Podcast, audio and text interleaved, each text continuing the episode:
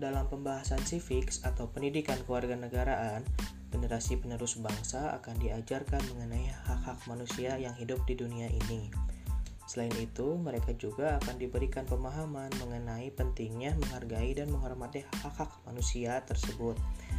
Dan pada pembahasan civics akan diberikan pemahaman mengenai makna dari bela negara. Kemudian, akan diberi contoh bela negara yang bisa dilakukan. Selain itu, ada pula pemahaman mengenai demokrasi Pancasila.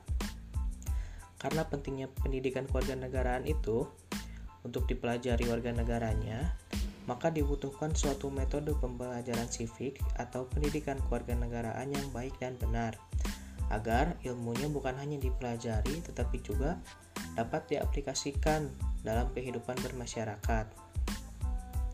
Salah satu metode yang paling tepat untuk diterapkan yaitu adalah field psikologi karena field psikologi itu mendorong siswa untuk melakukan partisipasi aktif dalam pembelajaran yang dapat dilakukan dengan bertanya atau menjawab pertanyaan dan siswa atau pelajar juga didorong untuk menyelidiki terhadap suatu masalah.